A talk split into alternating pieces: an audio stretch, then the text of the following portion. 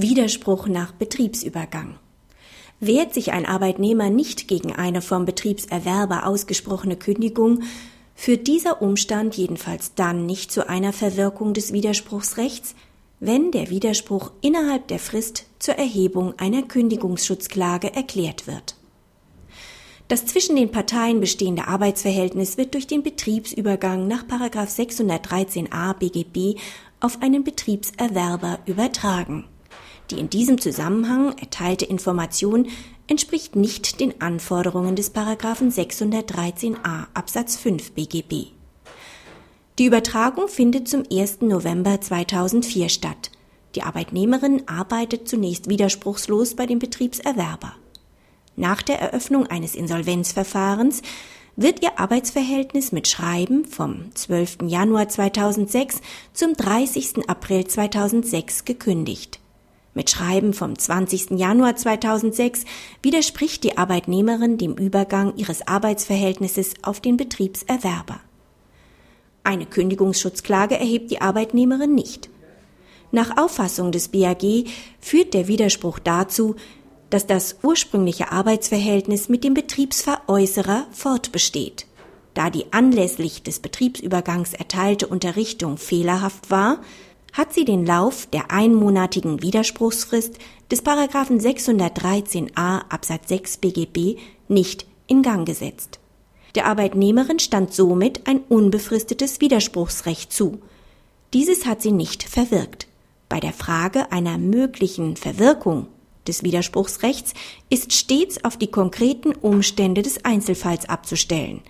Dabei ist davon auszugehen, dass bei schwierigen Sachverhalten Rechte der Arbeitnehmer erst nach längerer Untätigkeit verwirken können. Zudem steht die Länge des Zeitablaufs in Wechselwirkung mit dem ebenfalls erforderlichen Umstandsmoment. Je stärker das gesetzte Vertrauen oder die Umstände, die eine Geltendmachung für den Anspruchsgegner unzumutbar machen, sind, desto schneller kann ein Anspruch verwirken.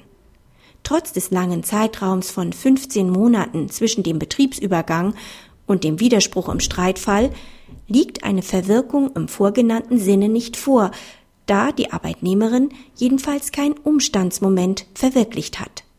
Die bloße Weiterarbeit bei dem Betriebserwerber begründet kein schutzwürdiges Vertrauen des neuen Arbeitgebers in einen möglichen Verzicht auf das Widerspruchsrecht. Allerdings kann das Umstandsmoment erfüllt sein, wenn ein Arbeitnehmer eine Kündigung des Betriebserwerbers untätig hinnimmt.